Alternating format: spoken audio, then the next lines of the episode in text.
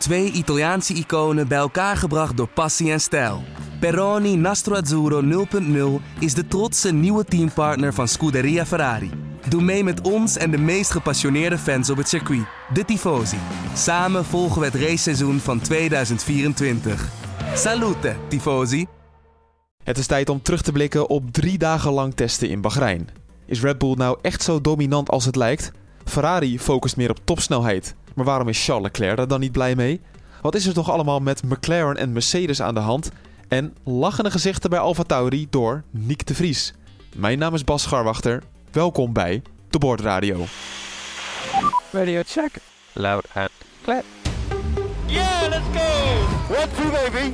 I pressed it. What an idiot. I can literally not even lift my arms anymore. Yes, boys, come on! Yes! Oh, this feels good. This feels really good. Ja, het is tijd om terug te blikken op de testdagen in Bahrein. En dat gaan we doen met het vaste team van de Bordradio. Met vanuit Bahrein, dat is altijd wel leuk. De mannen die het allemaal hebben meegemaakt. Joost Nederpelt en Patrick Moeken. Allereerst Joost, goeie, goedemiddag voor ons. Goedemiddag, Bas. Ja, heb je, heb je genoten daar Joost? We hebben net lekker even in het zwembad gelegen en geluncht. En nu gaan we even podcasten, dus eh, we hebben het comfortabel hier. Nou, hou je het wel een beetje uit met Moeken? Ehm, nou, los van dat ik elke vraag die ik aan hem stel twee keer moet stellen... omdat hij een beetje eh, toondoof is, eh, gaat het allemaal verder wel goed. nou, nou, dat klinkt goed allemaal. Ja, eh, zoals gezegd, Patrick Boeken is er natuurlijk ook bij. Ehm Boeken, ja, dit is, zijn jouw allereerste testdagen volgens mij. Eh, nee, ik ben al veel vaker geweest. De, Oh, sorry. ik denk wel de vierde of de vijfde keer, maar de eerste keer in Bahrein in ieder geval. Oh, echt, ook voor nu.nl? Ben je in Barcelona geweest dan? Ik denk het niet, eigenlijk. Vorig jaar zou ik gaan, toen had ik opeens corona. Ja. Ooit een, eh, een pandemische ziekte, maar eh, nee, het, eh, het, ja, het was de eerste keer Bahrein. Het was een mooi avontuur, zeker met, eh, met Nederpelt, die eh, heel onduidelijk praat, waarom ik altijd twee keer dingen aan hem moet vragen, terwijl hij het ook gewoon één keer duidelijk kan zeggen. Nou, fijn. eh, moet je nagaan hoe goed we elkaar kennen. Eh, maar het is niet de enige die, die aanwezig zijn bij deze podcast, want ook Hopin Toeng is erbij. Hopin, goedemiddag. Ja, goedemiddag. Goedenavond hier vanuit Hongkong. Ja, eh, voor jou ook mooi nieuws, want jij hebt een zitje voor dit seizoen. Ja, zeker. Ik, ik kruip hier achter het stuur. De, nou, de grenzen, de reisrestricties die eigenlijk eh, heel lang van kracht zijn geweest hier in Hongkong, die zijn allemaal opgegeven eind vorig jaar, in november. Dus geen quarantaine meer. Jullie zullen me niet meer horen vanuit een hotelkamer eh, op de podcast. Dus ik kan, ik kan weer vrij reizen. Dus ik ben ehm, afgelopen donderdag was ik in Japan op het circuit van Fuji, Fuji Speedway. Om daar de eerste testdag te doen met eh, de raceauto van dit jaar. Waarmee ik gereisd in het eh, Super TIQ kampioenschap daar. Dat is een eh, lange afstandskampioenschap ook. Dus een beetje mijn specialiteit hè. Ja, en in wat voor auto rij je dan? In een Honda NSX GT3. Kijk, heel goed. Voor de kenners, ik zou zeggen, de, de kenners zullen het vast weten, maar anders moeten we hem even opzoeken, toch? Google het even. ja, dat is het belangrijkste. En we gaan het nu vooral hebben over, over de testdagen, want er is enorm veel gebeurd. De verhoudingen zijn al lichtjes een klein beetje duidelijk geworden.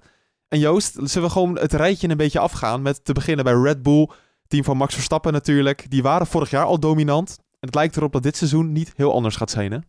Nee, ik heb niet de indruk dat eh, de, de concurrentie zich heel veel illusies moet maken over een, een zwak Red Bull of een auto die mislukt is of eh, eh, updates die nog moeten komen. Het is allemaal gewoon eh, klip en klaar daar. Alles is perfect voor elkaar.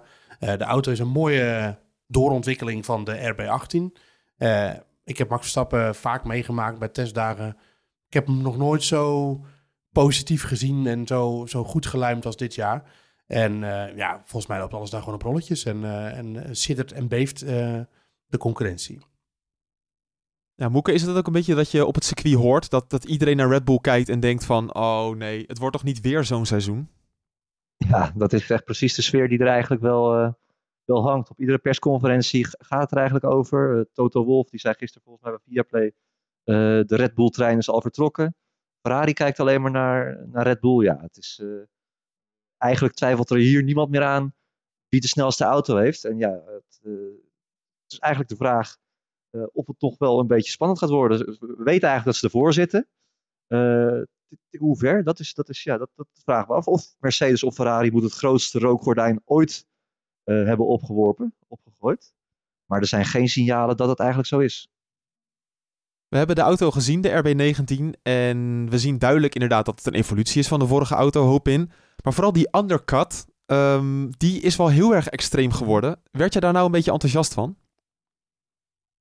Ja, nou ja, ik ben natuurlijk geen aerodynamicus, dus daar kan ik verder niet echt heel erg veel over zeggen. Hm. Maar ja, wat natuurlijk wel is dat het wel lijkt te werken. En ehm, je ziet ook wel dat eh, die trend hè, van dat type sidepod, eigenlijk wat je, die trend van dat je de sidepods aan de zijkant die eigenlijk heel breed zijn en hoog. En dat is eigenlijk meer om die luchtstroom die van de wielen afkomt, echt ook gescheiden te houden van die vloer. En dan die undercut eh, die ze dan nu gemaakt hebben, nog scherp hebben gemaakt, is om die, eh, die lucht die eigenlijk vanaf het midden van de auto komt, om die aan de auto, zeg maar, bij de auto te houden en dan naar het centrum van de vloer te geleiden, richting de achterkant, richting de, de achtervleugel daar. Dus ja, het is wel een, eh, ik denk een logische stap. Eh, ze zijn een stuk agressiever gegaan, maar wat je zelf al zegt, het is natuurlijk echt gewoon een eh, evolutie. En dat is wat, ja, het was natuurlijk ook niet nodig om grote risico's te nemen voor hen, want de auto van vorig jaar was zo dominant, zo goed. Eigenlijk in alle omstandigheden. Het was een auto die alles kon. En ja, dat, dat bleek eigenlijk tijdens deze testdagen ook weer het geval. Echt de manier waarop ze hem konden rijden, hoe makkelijk ze overal konden plaatsen, hoe goed hij was op curbs, ehm, hoe, hoe goed hij met, met bumps om, omging. Eh, er zijn toch behoorlijk wat eh, hobbels eh, op Bahrein. Bijvoorbeeld bij het aanremmen van bocht 1, ehm, bocht 10, noem maar op. Ja. Ja, het zag er gewoon ontzettend, nou, ik wil niet zeggen gemakkelijk uit, maar wel ja, comfortabel. Nou, Joost, als wij de, de je zei al, de, de woorden van Verstappen, die zijn heel erg positief. Helmut Marko is positief, Christian Horner is positief. Is er dan echt helemaal niks negatiefs over Red Bull te melden? Nou, dan moet ik eigenlijk even diep eh, zoeken. Ehm, nee, ja, het- klinkt heel saai, maar bij, bij andere teams zijn er echt dingen aan te wijzen. En, maar bij, bij Red Bull niet. Ik vroeg Verstappen gisteren van, eh, doet het denken aan vorig jaar in België, dat je daar aankwam met die auto, dat hij meteen heel goed functioneerde. En dat je eigenlijk niks aan de afstelling hoefde te wijzigen. Nou, hij zei, dat is het nog net niet, maar het zit er niet ver vandaan. Eh, de sweet spot in de afstelling had hij al bijna te pakken, zoals zei hij. Eh, ze hebben meteen, eh, konden extreem naar links met de opstelling, extreem naar rechts, alle, of met de afstelling bedoel ik.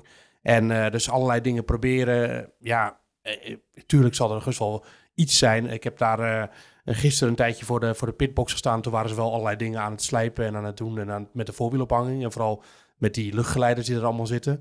Maar ja, goed, dat gebeurt bij elk team. Dat hoort gewoon bij een, bij een nieuwe auto. Ehm, dus ja, het is heel saai. Maar er, valt gewoon niks op aan te merken. Zo, zo eerlijk moeten we zijn. Ik, ik heb er wel eentje, eh, Joost. Namelijk hetzelfde natuurlijk wat we vorig jaar zagen in Bahrein. Eh, dat natuurlijk ook dat ze wel competitief waren. Natuurlijk tijdens de race niet zo dominant als dat ze misschien nu zullen zijn. Maar ehm, ik, kijk, ik heb begrepen dat er een olielek was bij Verstappen. Volgens mij eergisteren uit mijn hoofd. Ja, klopt. Ehm, dus ja, betrouwbaarheid eh, blijft natuurlijk altijd een factor hè, in deze sport. En bij een testdag natuurlijk minder relevant, want ja, je bent niet gebonden aan een aantal componenten, noem maar op. Maar ja, wat ik zei, betrouwbaarheid eh, is en blijft natuurlijk altijd iets, zeker in het begin van het seizoen, eh, waar de teams eh, nou ja, toch wat altijd in de achterhoofd meespeelt. Ja, zeker, dat is ook zo. En ik, ik, denk, ik denk wel dat dat er gewoon altijd een beetje bij hoort.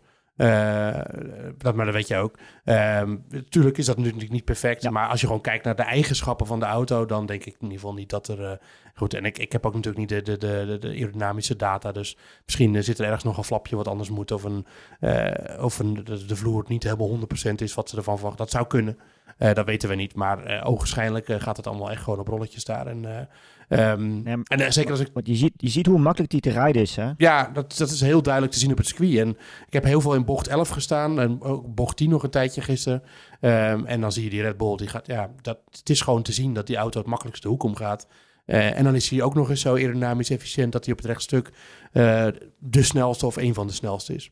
Wat me, wat me eigenlijk opviel ook als je keek naar eh, hoe ze met die auto konden rijden, is uh, Bahrein is, ehm, is een circuit waar je vaak eh, eh, bochten eigenlijk moet opofferen. Een soort van moet inhouden, omdat je dan anders niet meer goed uitkomt voor de volgende bocht daarna. Eh, bijvoorbeeld de hairpin, eh, bocht 8 uit mijn hoofd is dat. Ehm, als je kijkt, zeg maar, je kan dan, als je te wijd gaat op de curve bij het uitkomen van 7, kan je eigenlijk niet meer goed terug eh, snijden naar, naar links, ver genoeg. En maar die Red Bull, die was, vaak is die, als je dan zeg maar heel agressief stuurt, dan brengt dat een bepaalde onbalans in de auto. Maar ze konden hem zo makkelijk plaatsen overal. Ze konden gewoon echt, ja, eh, alles heel mooi openen, de bochten, zoals we dat zeggen. Eh, op de exit konden ze ook, zei al, over, mooi curbstones pakken. Het zag er goed uit. Dus ja, het was echt eh, indrukwekkend eigenlijk. En ja, makkelijk, nogmaals. Niet alleen eh, de auto is indrukwekkend, ook gewoon de tijden. Want eh, zo goed als elke dag was Red Bull de snelste. In, in zo goed als alle sessies.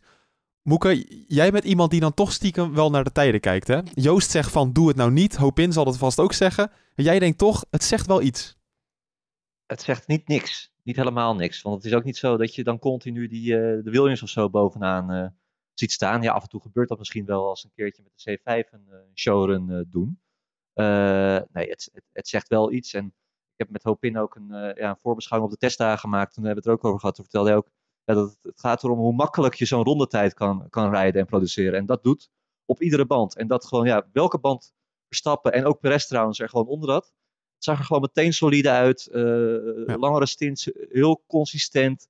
Ehm, ja, en alles bij elkaar genomen. eh ja, ma- maakt ze dat gewoon tot de absolute topfavoriet. Nou, duidelijk. Er staat genoteerd. Dan zou ik normaal gesproken in eh, de podcast van vorig jaar zeggen... we gaan door met de concurrenten van Red Bull. Maar ik wil even naar een ander team gaan kijken. Want we hebben natuurlijk onze landgenoot in actie gezien, eh Nick de Vries. Die doet het fantastisch in zijn, in zijn Alfa Tauri. Heeft heel veel rondes kunnen, reden, eh, kunnen rijden. Een van de meest productieve, volgens mij ook Joost. Ja, klopt. Vi- vi- 456 rondes. 20 meer dan ieder andere team. Ja. Ja, mooi, mooi is dat. Ehm, dat zegt natuurlijk wel veel dat hij gewoon goed aan de auto heeft kunnen wennen. Maar het lijkt er ook op, Joost, of tenminste ik heb mij laten vertellen... dat de problemen van vorig jaar een stuk minder zijn aan de, aan de Alfa Tauri. Eh, ja, al, eh, dat, dat hoor je inderdaad een beetje vanuit het team. Al moet ik zeggen, ik vind van alle auto's oprecht de Alfa Tauri, nou misschien samen met de Haas, eh, de moeilijkste om in te schatten hoe die er nou voor staat. Je hoort natuurlijk wel vanuit het team van, nou ja, we hadden wat doelstellingen en die hebben we wel gehaald. Maar dat zeggen ze bijna allemaal op McLaren na. Eh, dus ja, als iedereen een stapje naar voren zet, weet je wel, en iedereen bepaalde problemen van vorig jaar oplost. als iedereen dat doet, dan schiet je er in principe niks mee op. Ehm Alfa wil natuurlijk hè, graag een stap naar voren maken naar de top 5, wat Frans Toos altijd zegt. Eh, ja, ik heb nog niet echt de indruk dat dat nu eh, aan de hand is, zeg maar, met die auto. Ehm, ik vond hem een beetje heel betrouwbaar, heel veel ronden gereden. Niet de allerindrukwekkendste auto. Nick de Vries trouwens wel, die op mij echt overkomt als een coureur die al jaren in de Formule 1 rijdt. Je ziet gewoon dat hij heel veel ervaring heeft. Maar als je het puur hebt, over de auto, dan, nou ja, dan waren er nog wel wat limiteringen. Dat, dat liet de Vries en, en Tsunoda ook wel een klein beetje weten. Er, er zat een verbeterpunt in, maar ook niet alles was verbeterd. Ik vind wel dat je een beetje in algemeenheden praat met problemen, dit en dat. Maar wat zijn Ja. dan die problemen en wat kan dan beter? Nou, eh, volgens mij ging het om stabiliteit in, of tenminste eh, dat het beter ging in de lage snelheidsbochten en in de hoge snelheidsbochten, maar dat het in de medium corners dat het daar nog niet helemaal eh, lekker liep. Daar had, dat, dat zei Tsunoda en de Vries zei erover, nou dat is misschien wel waar. Ehm, eh, dat is een beetje waar het, waar het nu op, over ging. En ja, verder wat ik zei, ik vind het gewoon een lastig in te schatten auto. En dus dan ga ik ook niet doen alsof ik het wel weet, want ik weet het gewoon niet precies. Ik vind het een, ik vind het een moeilijke auto. Al van de andere auto's heb ik een veel beter beeld dan van de Alfa Tauri. Ja, Moeke, jij hebt natuurlijk ook rond zien lopen. Hoe loopt hij erbij? Wat, wat zie je aan hem? ja, eigenlijk alsof hij gewoon al jaren deel uitmaakt van het spel. Ik heb niet echt het idee dat hij zenuwachtig is of moeite heeft om zich aan te passen.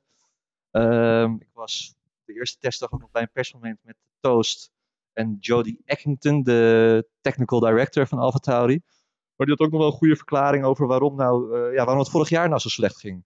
Eh, ze hadden een nieuwe windtunnel hadden ze in gebruik genomen. Hè. Dat schijnt altijd, dat weet misschien, misschien iets beter, maar dat schijnt ook wel een grote stap te zijn. Even wisselen van, eh, van windtunnel. Moet je toch weer nieuwe Ja. eh, dingen gaan onderzoeken. Ze, eh, Alfa Tauri had dat gedaan met het oog op die nieuwe regelwijziging. Nou, dat was misschien een logisch moment. Achteraf was het misschien toch niet zo'n logisch moment.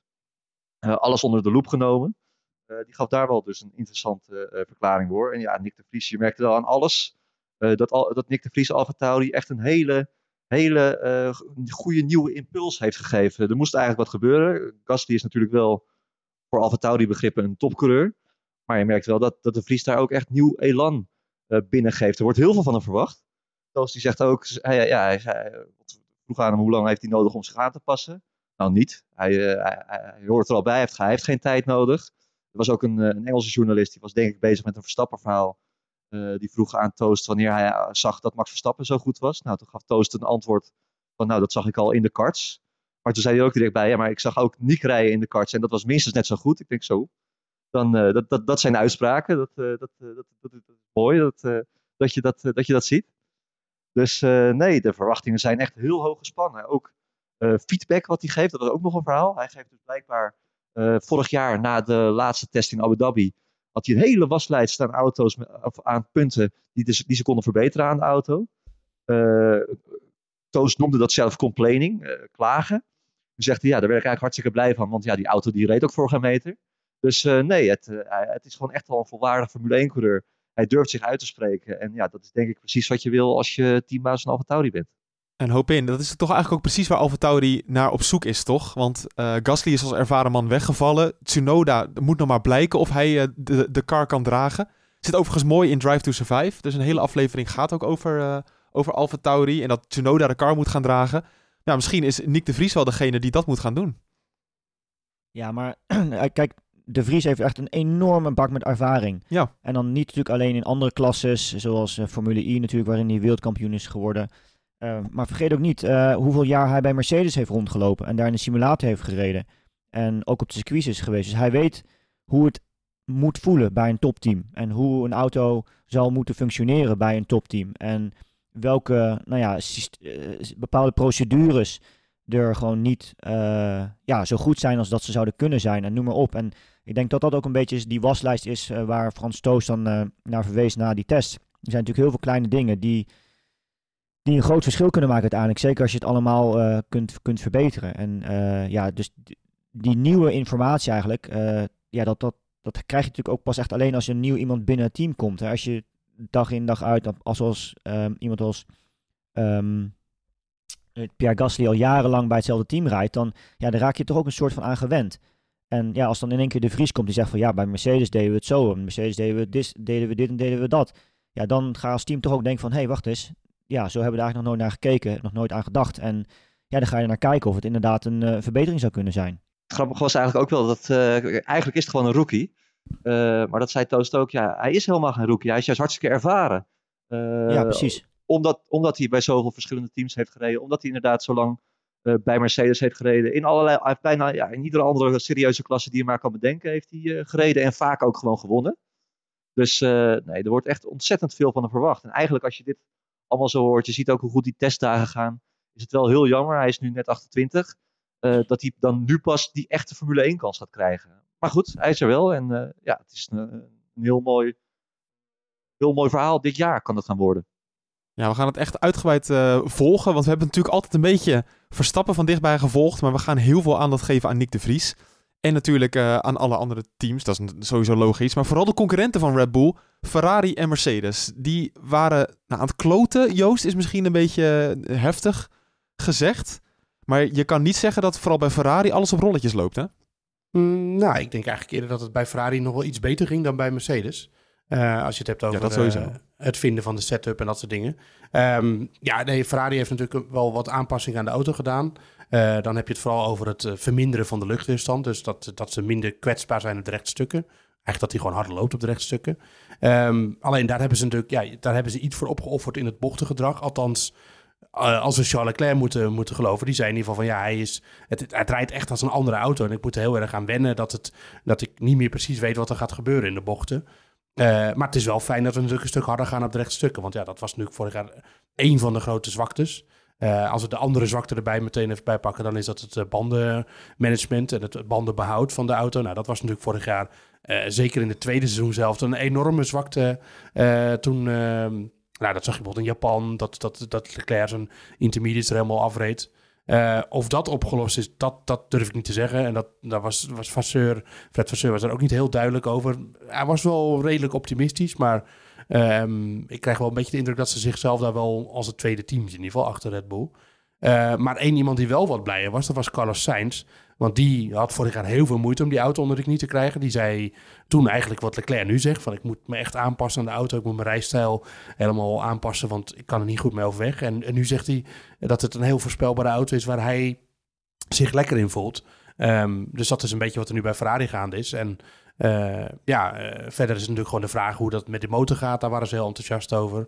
Eh, of die nu voluit heeft gedraaid. Of, hebben- ik weet niet, dat hebben we niet gezien. Dat weet ik niet. Dat, weet, dat weten ze alleen zelf. Eh, dus er zijn nog wat vraagtekens bij Ferrari. Maar ik ben niet zo negatief als je hier en daar leest. En, maar ik denk dat het wel realistisch is dat ze Red Bull de komende zondag niet bij kunnen gaan houden. Is al bijzonder hoop in, want als we naar de Ferrari kijken, zie je niet heel veel verschillen. Het concept van de auto is gewoon zo goed als hetzelfde, met die, met die zwembaden hè, als aan de bovenkant van de sidepods. Maar kan een auto dan toch met een paar aanpassingen zo verschillend aanvoelen? Ja joh, Formule 1 draait echt alleen maar om details. Ja. Als je ook eh, de detailfoto's bekijkt van die test, de kleine dingetjes die overal op de auto zitten, dat is hetgene, ja, die veel vortex-generatoren, zoals we het noemen, die van die kleine finnetjes vaak of kleine uitsteeksels die een werveling creëren. Echt, het zijn echte details die ervoor zorgen of ze- die aerodynamica wel of niet goed werkt. En er komt natuurlijk bij dat eh, met de ervaring van vorig jaar dat veel teams ook wijzigingen hebben aangebracht in de, de, de ophangingen en noem maar op. Ik heb het daar met Joost eh, via de WhatsApp nog uitgebreid over gehad. Ook eh, hoe je eigenlijk het platform van zo'n auto goed onder controle kunt houden.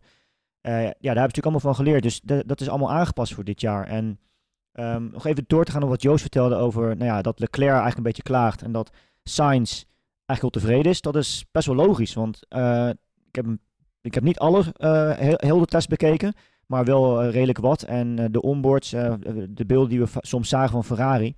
ehm, leek alsof de auto een klein beetje onderstuur had. Ja. En dat weet natuurlijk van vorig jaar, zeker in het begin van het seizoen, was dat eigenlijk omgekeerd. Hè? Dat de Ferrari best een agressieve auto was. Die een beetje nou ja, ehm, nerveus was eigenlijk om te rijden. En ja, we weten, eh, dat is iets wat Leclerc beter ligt. En ja, Sainz toch net wat minder. Dus het is best wel ja, eigenlijk logisch dat, dat, eh, dat, dat ze zich op deze manier allebei uitspreken. Daar moet ik wel bij zeggen dat ik bij eigenlijk wel meer auto's dat onderstuurgedrag in de auto zag.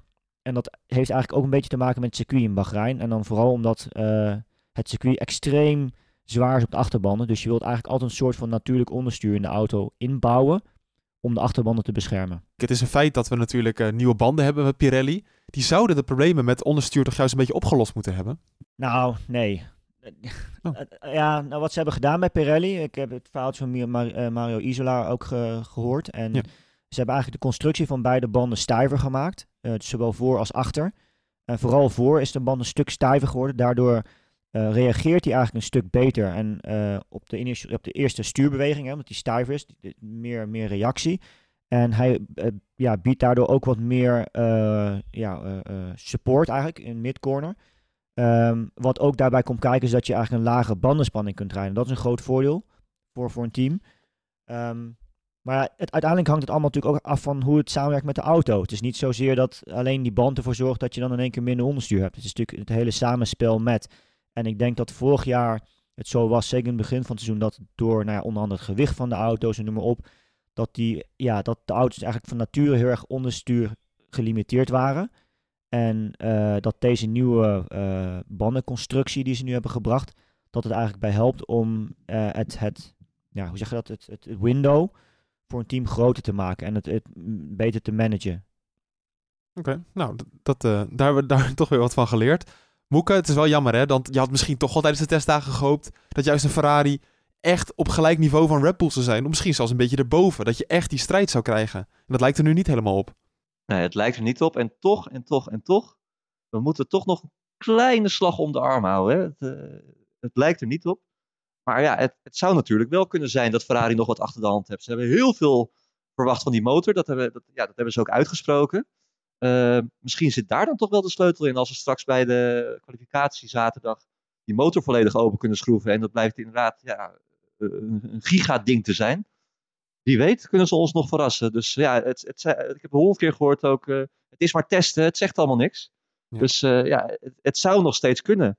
Maar inderdaad, het, eh, je krijgt niet de indruk dat, eh, dat de teleurstelling bij Leclerc eh, gespeeld is. De, de- het vertrouwen bij Red Bull komt ook echt ergens vandaan. Dus ja, nee, dat, het zou jammer zijn. Dat ik, ja, als objectieve Formule 1-fan zou het geweldig zijn als we natuurlijk weer een eh, titelstrijd krijgen zoals we dat twee jaar geleden hebben gehad met Hamilton en, en Verstappen. En dan nu misschien met Ferrari en eh, Verstappen en ook nog Mercedes erbij. Maar ja, het in kan alle eerlijkheid draaien, is het natuurlijk wel ver weg. Dat natuurlijk ook. We zijn natuurlijk nu heel erg, en dat is logisch ook, want de Red Bull zag er gewoon ontzettend goed uit. Dus we zijn heel erg nou, positief daarover. Maar vergeet ook niet, natuurlijk vorig jaar, ik kan me nog heugen, ik ga het nog een keer ophalen, oprakelen. Ehm, dat wij zeiden van nou, de wereldtitel van Verstappen, die is, eh, die is al weg. Volgens mij was het naar Australië, toch? Of niet, dat we dat zeiden?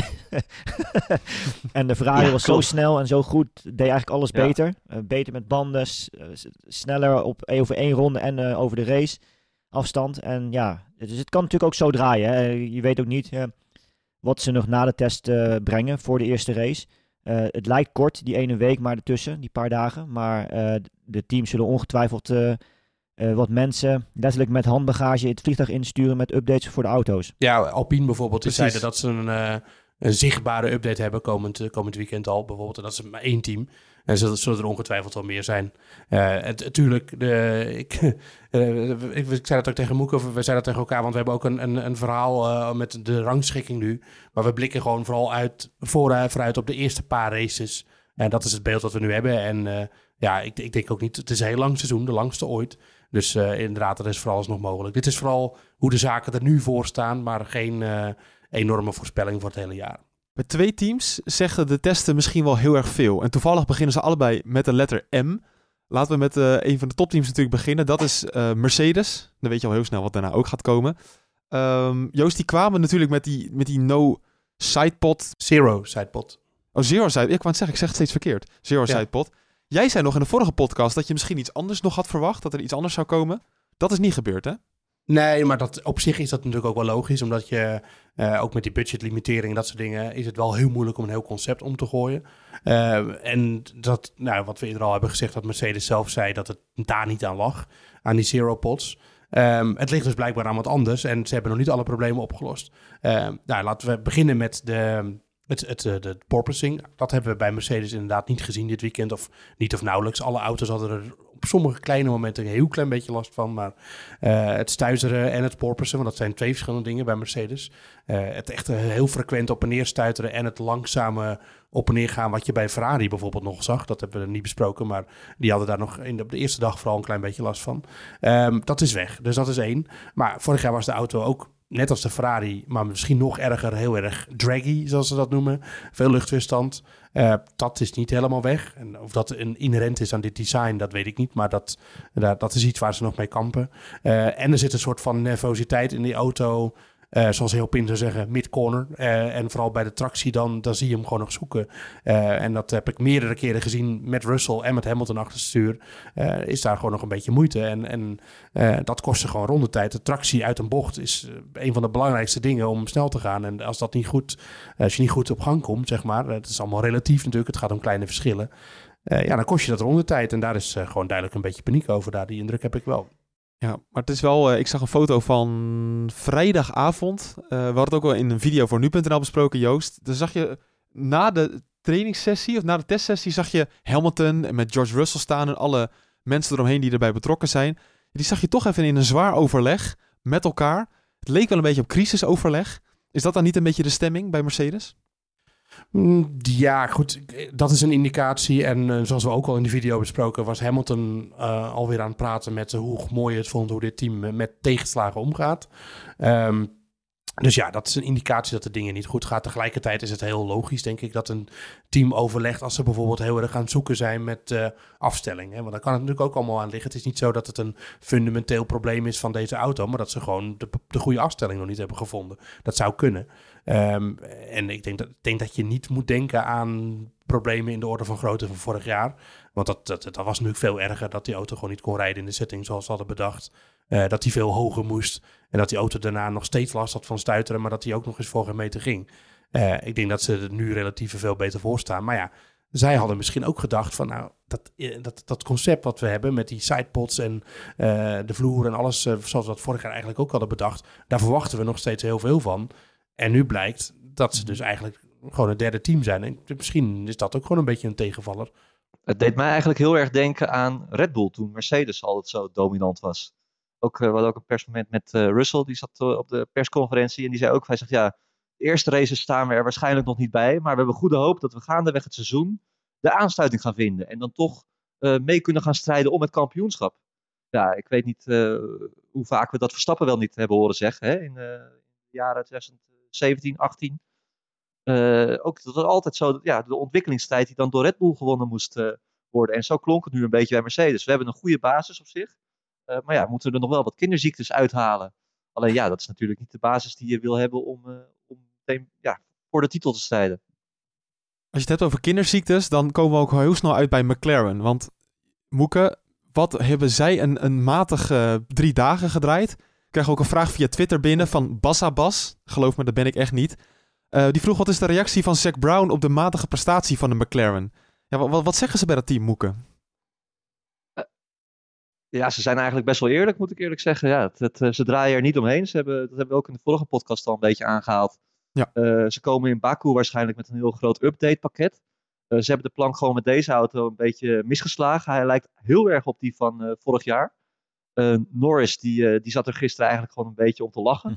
Letterlijk. Ehm, ja, het, het, het, is, ja, het is, het is eigenlijk, eigenlijk een beetje treurig voor een, ja, toch een soort, wat ooit een topteam was, McLaren. Die wel weer de weg omhoog hadden gevonden. Uh, en nu ook met ja, Norris, die uh, toch een toptalent is. En ook Piastri die er zit. Het is niet uh, de ideale start. En ik vraag me, kijk, ze hebben natuurlijk nog steeds wel hele goede faciliteiten in, in Woking. Ze, ze, hebben de kennis in huis, dus ze moeten het uiteindelijk wel recht kunnen breien. Maar ik denk dat ze, ja, ze zitten denk ik gewoon echt achter in het middenveld bij de start van het seizoen. Nee, ja, sorry, faciliteiten bij McLaren is... Ze hebben natuurlijk een hele oude windtunnel, hè. En dat is iets waar ze volgens mij nu willen gaan in investeren, wat ik begrepen heb. Ja, die is uh, uh, En dat is wel iets wat echt moet gebeuren. Want volgens mij is dat ook hetgene waar het... Uh, ja, natuurlijk sowieso altijd met Formule 1 auto's tegenwoordig aerodynamica en downforce. maar waar, wat natuurlijk het pijnpunt is bij Mercedes op dit... Bij McLaren op dit moment. Namelijk dat ze... Patrick en ik hadden het eigenlijk in het stuk voor de voorbeschouwing van de test ook al over. We hebben het er niet ingebracht uiteindelijk, maar...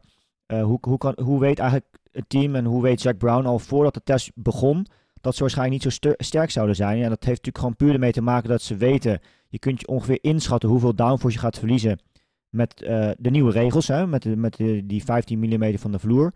En ja, dan ga je natuurlijk die downforce die je verloren hebt, ga je proberen terug te zoeken, het aantal punten. En je weet ongeveer hoe je uitkomt. En je weet ook tegen welke penalty van uh, drag dat is. Dus wat de balans daarvan is. Ja, en als je gewoon weet dat die cijfers gewoon niet goed genoeg zijn, ja, dan kan je natuurlijk al een beetje van tevoren inschatten van ja, uh, het gaat hem niet worden. en dat blijkt ook wel tijdens de test. En dan zie je ook wel dat die auto ook gewoon heel, heel moeilijk te rijden is. En de Piastri zagen ook nog spinnen.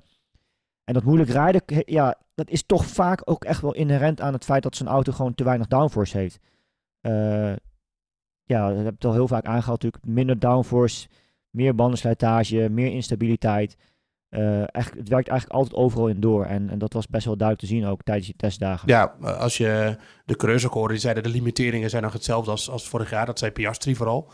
Uh, en ja, vorig jaar hadden ze dus precies eigenlijk wat je zegt op in te veel luchtweerstand. Dus daarom moesten ze met minder downforce rijden. Dus het is een compromis. Ze zijn in een compromis, gedwongen waarin je eigenlijk niet wil zitten. En daardoor is die auto gewoon minder goed bestuurbaar en slijten de banden ook nog sneller.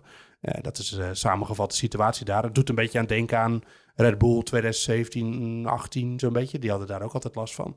Dat ze gewoon met minder downforce konden rijden dan ze eigenlijk wilden. Omdat ze anders te kwetsbaar waren op het rechtstuk. En uh, dat is bij McLaren nog steeds het probleem. Via Twitter krijgen we de vraag van Rob Plug. Hij zegt, wordt Aston Martin de grote verrassing van dit seizoen? Want we zagen McLaren al wat, wat moeizaamheden hebben. Alpine zijn een beetje aan het sandbaggen misschien wel. Daar gaan we het zo nog even over hebben. Maar Aston Martin doet het eigenlijk in elke, elke dag doen ze het goed. Ze staan hoog in de tijden ook, uh, Moeken. Ja, wat kan je daarover zeggen? Yes. Nou, dat het er gewoon heel erg goed uitziet. Uh, misschien heeft Alonso eindelijk wel een keertje de goede keuze in zijn loopbaan gemaakt. Door naar een team te verkassen uh, ja, die, het, die het gewoon verrassend goed doet. Want dat deden ze bij Aston Martin. Zonder alleen Stroll trouwens, waar je toch wel geluiden van hoort dat hij echt niet mee gaat doen volgende week. Gebroken pols hoorde ik. Ja, dat gaat hem dan waarschijnlijk niet worden. Uh, maar ja, die Aston Martin die ging hartstikke goed. je hoort ook wel, je hebt van die, of die, van die Twitterlui die dan inderdaad ook heel erg op die tijden zitten. En dan ook allemaal gecombineerde statistieken opzoeken van longruns. en daaruit bleek toch wel dat ja, ze zaten in ieder geval Mercedes op de hielen. Alonso dan, in zijn Aston Martin. en soms was hij ook wel sneller dan dan Hamilton in de Mercedes. Dus ja, het is echt heel veelbelovend. Alonso zegt ook, ja, ik heb er vertrouwen in, maar ja, die, die weet ook natuurlijk hoe laat het is. Het uh, autokaart nog voor de borst. We, zijn er nog niet, we weten niet wat, wat de rest gaat doen uh, komende week in Bahrein. Dus ja, het, het, het, ziet er wel goed uit. Alleen ja, hoe snel die nou echt is, dat moeten we nog even afwachten. Maar het heeft er alle schijn van dat zij gewoon ja, het vierde team gaan zijn. Ja, en dat zou dan in een formatie zijn met Alonso, die dus gaat rijden, en dan waarschijnlijk Drukovic. Die gaat dan Lance Stroll vervangen. Al zal vast als deze podcast online staan, zal het nieuws toch wel weer anders zijn. Uh, maar dat wordt net bekendgemaakt dat het toch waarschijnlijk... Nee, volgens mij heeft Aston Martin het uh, gezegd nu ook. Ook echt officieel? Kijk eens aan. Ja, ja? Ja, ik weet niet officieel, maar wel dat inderdaad, het is volgens mij gezegd dat Drugovic um, zal rijden bij Aston Martin, mocht Lance Stroll eh, niet eh, kunnen racen. Ook wel logisch, hè, want hij kent de auto nu natuurlijk. Ja, absoluut. Dat was ook een mooi, ge- mooi gerucht nog gisteren dat, eh, dat Vettel zichzelf had aangeboden. Mocht het nodig zijn dat hij toch eh, in zou stappen bij zijn eh, voormalig werkgever. Had je Vettel en Alonso in één team gehad. Nou ja, dat was ook misschien te Ah. mooi om waar te zijn. Marketingtechnisch zou dat natuurlijk ook al fantastisch zijn. Dan heb je Alonso en Vettel in je team. Geweldig. Maar gaat waarschijnlijk niet gebeuren. Dus.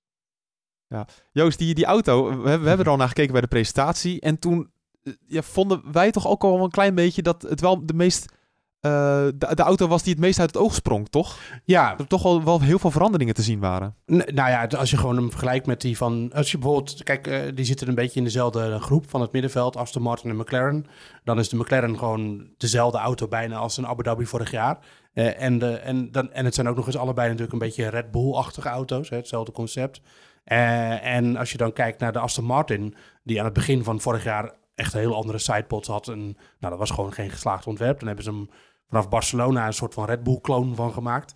En nu zit hij er toch alweer echt een paar stappen verder uit. En eh, zeker als je dat dan vergelijkt met, met, eh, met McLaren, dan vind ik, ja goed, eh, hetzelfde wat ik net zei. Ik heb natuurlijk niet de data voorhanden, maar je kan het op een bepaalde manier toch zien aan een auto of je klopt of niet. En, dat, dat die indruk, hè, voor wat het waard is, ik weet het- ik zou er niet mee... het is geen, geen keiharde data, maar voor wat het waard is, vind ik hem wel echt heel goed uitzien. En eh, een kloppende auto die ook op de baan indruk maakt met strak insturen, weinig onderstuur op het oog, snelle tractie. Eh, eh, je zag wel een verschil tussen Alonso in de auto of Drugovic. Alonso die grijpt die auto echt wat meer bij zijn nekvel en trekt hem gewoon door de bocht heen. En dat doet Drugovic, die misschien logischerwijs wat voorzichtiger is, nog niet. Ehm, maar ja, op allerlei manieren maakte die Aston Martin al indruk. En eh, ik heb zelf niet alle longrun tijden bij elkaar bij kunnen houden, want dat heb ik gewoon geen tijd voor. Maar inderdaad, eh, daar zijn een paar eh, echte eh, specialisten. En die waren ook onder de indruk van de longrun tijden, die naar ik mocht geloven, zelfs een beetje gelijkwaardig waren met die van Mercedes. Dus nou, dat is echt een grote stap omhoog ten opzichte van wat ze vorig jaar hadden natuurlijk. Ja, echt leuk. En het kan zomaar eens een hele mooie strijd gaan worden met Alpine. Ehm, wa- want vorig jaar had je al een leuke strijd rondom dat vierde team achter Mercedes. Eh, of eh, ja, achter Mercedes inderdaad. Ehm, je zou zeggen, Alpine is gewoon een doorontwikkeling van de vorige auto. Maar die laten Moeke niet heel veel zien tijdens deze testdagen.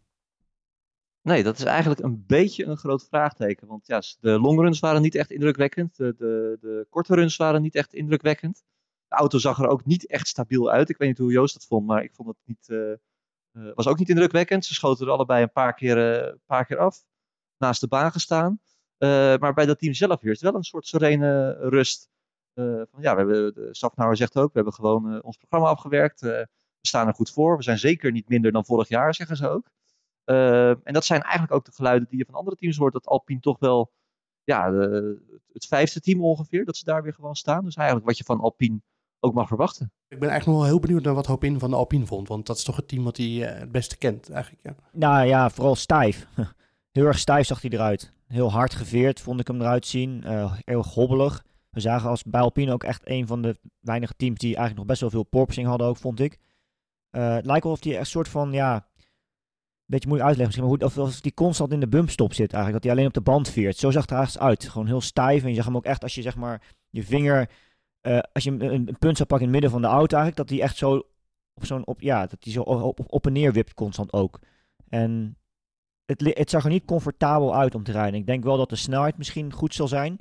Maar het, het, was niet een auto die volgens mij heel makkelijk te rijden was. En dat, dat viel ook wel een beetje op. Dat de verschillen tussen Ocon en Gasly waren ook af en toe gewoon best wel groot, vond ik. En de, de, nieuwe tire die waren niet altijd even gemakkelijk. Dan ga je toch een beetje meer pushen. we hebben al gezegd, je weet niet hoeveel brandstof erin zit, noem maar op. Maar je gaat toch als rijder toch al, hoe dan ook altijd wel voor zitten. En ja, hmm. uh, niet makkelijk. Misschien wel snel, maar niet gemakkelijk. Nee, die indruk had ik ook inderdaad. Ja, dat is de inhoud van alle teams over hoe ze zich gedragen, hoe het gaat, hoe de tendens is. Maar we moeten toch wel eens even een overzicht gaan maken, mannen, van hoe de teams er nou uh, daadwerkelijk voor staan. Nou, Joost en Patrick, jullie hebben het werk voor mij al gedaan, want jullie hebben een, overzicht gemaakt voor nu.nl. Laten we die vooral lekker gaan, gaan oplezen. Met de top 3, uh, Moeke, die is gewoon zoals we verwachten. Uh, dat klopt, die hebben we eigenlijk al gehad. Dat is Red Bull, Ferrari en Mercedes. Ik moet er wel bij zeggen, dat natuurlijk nog steeds een beetje natte vingerwerk. Hè? Dat is ook uh, onderdeel van de voorpret.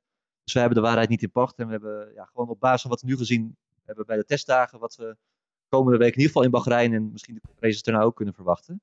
Daarop hebben we inderdaad Red Bull dan het snelst. Ehm, Ferrari daarachter. Mercedes. Ehm, we hebben eigenlijk ook al gezegd Aston Martin. Alpine op P5. En gaan we meteen door of gaan we het... eh, Ja, nou, ik, ik het in blokjes opdelen, maar ga lekker door. Je hebt inderdaad Aston Martin dus als, als vierde en Alpine als vijfde. Eh, Ja. En daarna krijg je een beetje een groep, ja, daar weten we het niet zo goed van, hè? Nee, het, dat, daarachter zit het waarschijnlijk, althans dat denken wij heel erg dicht bij elkaar. Ehm, ja, dat is gewoon heel lastig te zeggen. Maar we hebben Alfa uiteindelijk op 6 gezet. Haas op 7. eh Alfa Tauri dan op 8. McLaren, ja, triest, op 9. En eh, Williams op 10. Maar dat, wat, wat we zeiden, die verschillen zijn daar niet zo groot. Dus dat eh, kan ook eh, helemaal anders zijn. Bijvoorbeeld om nog een haakje te maken naar... eh de teams zeggen dat zelf ook, om even een haakje te maken naar eh, bijvoorbeeld Haas. Eh, onze grote vriend Gunther Steiner, eh, razend populair geworden door de Drive to Survive. Eh, die noemde het zelfs de beste winter die het team eh, ooit heeft gehad sinds de oprichting eh, in 2010. Hij heeft natuurlijk ook twee redelijk, redelijk ervaren coureurs. Magnussen is, is er weer bij. Hulkenberg is terug na drie jaar afwezigheid. Hulkenberg, waar Steiner echt lovend over was. Hij was echt lyrisch. Hij zegt ja, hij neemt de leiding binnen het team. Het lijkt alsof hij nooit, nooit weg is geweest. Zo goed doet hij het.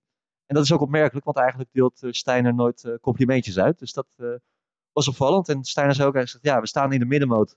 Alleen het zit allemaal zo dicht bij elkaar. We weten niet of we dan vooraan in die middenmoot of achteraan in die middenmoot staan. Ja, wel leuk Joost dat jullie dan AlphaTauri als achtste team neer hebben gezet. Dat betekent dat wij echt een hele leuke Q1 in de kwalificatie gaan krijgen met Nick de Vries. Want dan, dat zal er steeds een beetje omhangen, toch?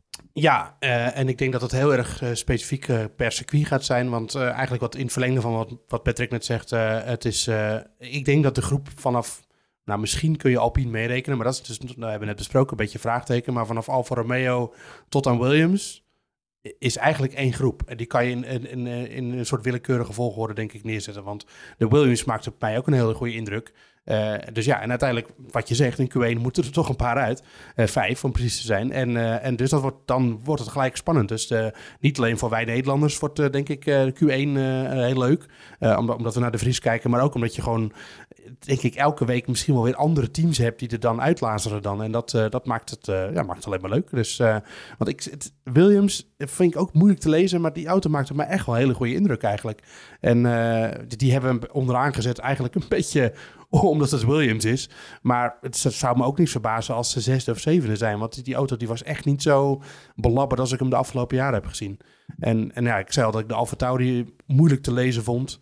Eh, het, is, het is echt een hele groep die heel dicht bij elkaar zit. Die zijn allemaal een beetje hetzelfde. Eh, en alleen maar leuk. Ik wil, even, ik wil even horen van Alpine of je het ermee eens is eigenlijk eh, met het lijstje wat wij hebben. Ja, ja, ik, ja ik, ik ben het wel mee eens. Ik zit eh, zelf persoonlijk te twijfelen, dat moet ik eerlijk zeggen, tussen Mercedes en Ferrari. En ik weet dat Oh. sommige mensen me wel eens als Mercedes-fanboy afstempelen hier eh, bij nu.nl, maar dat is zeker niet het geval. Maar gewoon objectief gekeken. eh Joost, je haalt natuurlijk ook aan dat ze nog steeds langzaam zijn op de rechte stukken. Maar vergeet ook niet dat ze echt met enorme achtervleugel reden hier. En het zou me niks verbazen dat ze misschien tijdens het raceweekend straks ehm, met misschien iets kleinere zullen komen. Eh, Of misschien toch ook weer aanpassingen. Eh, als je kijkt nu naar de auto, hoe de sidepods eruit zien. eh, laten ze. Het, is niet meer echt dat zero pot wat ze vorig jaar hadden. Als je, als je aan de, na de, achter de voorkant zeg maar, kijkt van de sidepods. is het een stuk breder dan dat vorig jaar was. Dus ze laten echt een soort van ruimte open nu om ja, dat toch verder door te ontwikkelen op een iets andere manier. Dus ik, ik ben wel benieuwd ehm, waarmee ze zullen komen. En of ze voor de race meer snelheid kunnen vinden. Zeker ook omdat ze tijdens deze drie dagen vond ik het een van de teams die het meeste progressie hebben gemaakt in de balans van de auto eigenlijk. Nu, nu hebben die mannen hebben McLaren als één na laatste team gedaan. Ja, ik, ik verklaar ze een beetje voor gek, maar zie jij daar iets in? Nee, ik denk dat ik ben het er wel mee eens. Spijtig Oh. genoeg. Ja. Maar Dan verklaar ik jou ook voor gek. Nee, ja, nee, maar eh, wat Joost, ik was het Joost Patrick die dat zei. Het, het, het, wordt zo opgehusteld straks waarschijnlijk. En het zal er helemaal van afhangen van eh, ja, hoe goed krijg je de band aan het werk. Dat is meestal in Bahrein overigens niet zo'n probleem vanwege het asfalt. Eh, maar hoe goed hou je hem ook heel ehm, in de race. En ja, het, het zit, zit daar zo dicht bij elkaar. En ehm, objectief, als je er naar kijkt, hoe een auto zich gedraagt, was de McLaren gewoon niet makkelijk te rijden. En bijvoorbeeld Williams, die is misschien niet snel genoeg, maar die zag er wel iets gemakkelijker uit om te rijden. En hetzelfde geldt bijvoorbeeld voor een Haas. Ehm, Al, ook net Alpine wel aangehaald, AlphaTauri ook, is, is, is, ziet er ook gewoon wel redelijk oké uit om te rijden. En dat is toch echt wel iets, het rijderscomfort. Ehm zeker in zo'n begin van het seizoen moeten we denk ik niet onderschatten ook. We gaan, eh, we gaan hem afronden, deze podcast. Ehm, want we gaan nog veel meer vooruitblikken, namelijk. Want Moeke, jij gaat Bahrein verlaten en ik word ingevlogen. Dat is een beetje de situatie. Ja, geweldig. Of geweldig. eh, eh, eh, ik sta me graag, mijn plaats graag af, Bas. jou. Ja, excuses aan alle klimaatactivisten, want het is inderdaad niet heel erg goed voor, voor het milieu en voor het klimaat. Maar ja, jij, jij bent daar als schrijvend journalist en ik als, als cameraman en als audioman. Dus daar, daar gaan we toch even de rollen van, van switchen. Ehm, dat betekent dat we nog veel meer gaan vooruitblikken op de Grand Prix van Bahrein. Voordat je denkt, hè, ga eens een voor, eens met een voorspelling. Dan zou ik gewoon de volgende podcast gaan luisteren. Die gaan we woensdag publiceren. Dus dan ga je dat allemaal horen met, eh, met het vaste team van de Bordradio weer. Mannen, wil ik jullie vooral bedanken voor jullie tijd. En ik denk dat we gewoon volgens mij, hoop in, een, echt een fantastisch seizoen gaan meemaken, denk ik. Nou, dat is wel zeker één ding. Eh, het- volgens mij zit het wel dichter bij elkaar. En Ja. dat is natuurlijk ook logisch, want mensen hebben nu informatie van afgelopen jaar. Daar is op voortbor- eh, voortborduurd. Ehm, en ook sowieso het verschil tussen de, de, de snel- de snelste auto tijdens de test en de langzaamste auto tijdens de test, vorig jaar de Williams, ehm, is, is, ook een stuk, is ook een seconde minder geworden. Dus uiteindelijk zit het veld dichter bij elkaar en dat is altijd eh, een garantie voor betere, betere races. Ja, we gaan het allemaal in de gaten houden. Eh, heb je nog vragen voor aanstaande woensdag? Dan kan je natuurlijk weer terecht op onze Twitterpagina, @debordradio. Ehm daar kan je natuurlijk je, je laatste vragen weer insturen en je voorspellingen als je er zelf wil meemaken. Kan natuurlijk ook via podcast.nu.nl. En nog één dingetje, het GP-spel gaan we weer bespreken. Ik zeg, ik mag nog niet heel veel zeggen, maar als je je aanmeldt via de Vriendenleague van de Bordradio, dan gaat dat extra lonen dit seizoen. Dat heb ik eigenlijk al te veel gezegd. Dus meld je aan via het GP-spel, nu.nl slash GP-spel. En dan, eh, wie weet, kan je hele leuke prijzen gaan winnen. Ja, klopt. Dan zijn we er dus aanstaande woensdag weer met een nieuwe aflevering van De Bordradio. Ik zou zeggen, tot dan. Ciao. Tot dan.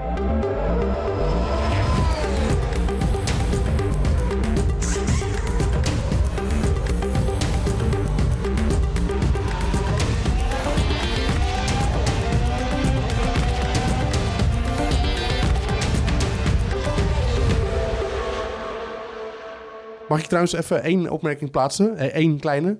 Nou, nog eentje dan. Het regent op dit moment in Bahrein. Echt, eh, echt waar? Ongelooflijk. Ja, ja, donkere wolken en het regent gewoon. Het, eh, het spettert hier. nou. Oh. Ja, kan dus ook. Nou, hou, hou die wolken vast voor, voor komende week. Want dan krijgen we hele leuke tafereelen daar. Alle grip weer weggespoeld straks, volgende week. Ja, inderdaad. Ja. Ja. Fantastisch.